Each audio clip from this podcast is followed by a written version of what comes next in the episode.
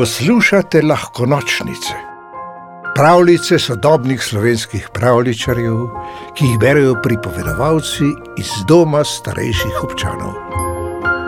Ojej, počitnice. Jutra so bila hladna, listja na drevju skoraj ni bilo več.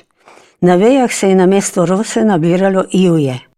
Dnevi so postali kratki, noči dolge, zima je z velikimi koraki vstopila v gost.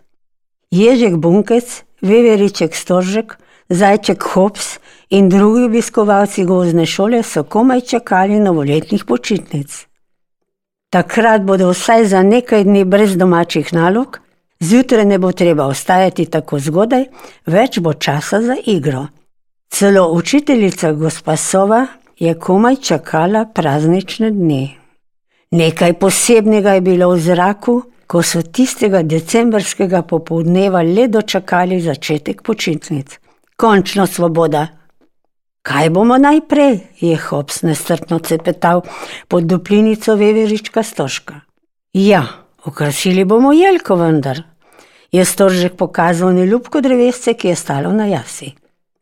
Velika je, je zaskrbelo zajčka.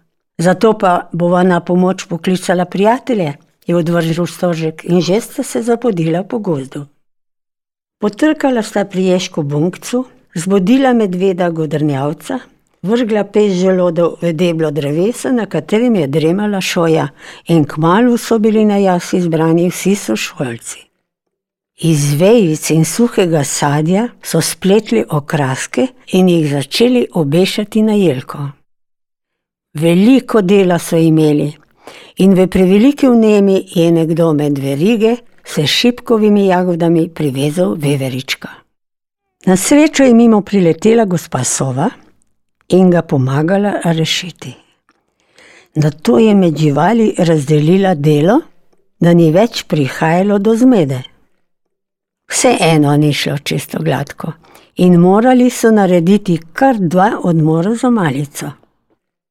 Ampak zdaj smo pri koncu, se je Bunket zadovoljen postavil pred jelko. Čudovita je, le nekaj jim manjka, je bila zamišljena jasna jazbec. Nekaj bi morali dati še na vrh, je menil Hobbs, zdaj je taka kot snežak brez klobuka. Prav imate, je vzkliknila šoja in skočila v zrak. Takoj bom nazaj, ali pa še prej. Res se je hitro vrnila. V kljunu je nosila ogledalce, ki ga je poleti našla prav na tej jasi.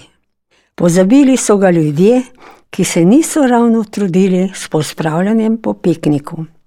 Šoja je takrat do vrha napolnila svoje gnezdo, vendar je na zrcalce gledala kot na svoj največji zaklad. V ogledalce na vrhu jelke se je ujelo opodansko sonce in videti je bilo, kot bi nad jaso zasijala zvezda. Živali so navdušeno zaploskale. Ampak kaj zdaj? Drevje je bilo čudovito, to da živali ga vendar niso mogli ves dan le gledati. Igrajmo se, kaj je bilo slišati iz skupine. Lažje vprašati, kot odgovoriti. Za želodkanje jih je bilo preveč, za migo glisto prehladno in za zabavno, čeprav nevarno igro, ponagajamo lisjaku Krempliču, so imeli enega lisjaka premalo. Že vem, igrajmo se šolo, je skliknil zajček Hobbs. Res, družba je bila ravno prava, celo učiteljica gospa Sova ni manjkala. Kot bi mignil, so se domenili za urnik. Najprej so pri uri glasbe zapeli nekaj veselih, nato so pri umetnosti ustvarili še nekaj okraskov za jelko in za konec pri telovadbi še splezali na jelko. Seveda niso pozabili niti na dodatne odmore za malico. Naslednji dan so pri matematiki šteli šipkove jagode na novoletnem drevesu in pri gospodinstvu skuhali sirup iz smekovih vršičkov. Ker je ravno začelo snežiti, so se med spoznavanjem narave učili ločevati sledove v snegu. Do večera je zapadlo veliko snega, zato so imeli naslednji dan športni dan, namenjen le sankanju, drsanju in kepanju. Še dan pozneje so pri umetnosti tekmovali v izdelovanju sneženih živali. Čas je hitro mineval. Še malo in podjelku bodo našli kup daril. Še čisto malo in konec bo počitnici, rekla sova. Da, počitnice vedno prehitro minejo, so se smeje strinjali njeni učenci. Pravljico napisal Tomo Koča, pripovedovala Mimi Žerjav. V deželo princesk, zmajev, gozdnih vil in ostalih čarobnih biti ste vabljeni vsak večer. Novi pravljici prisluhnite na lahkonočnice.si, pa lahko noč.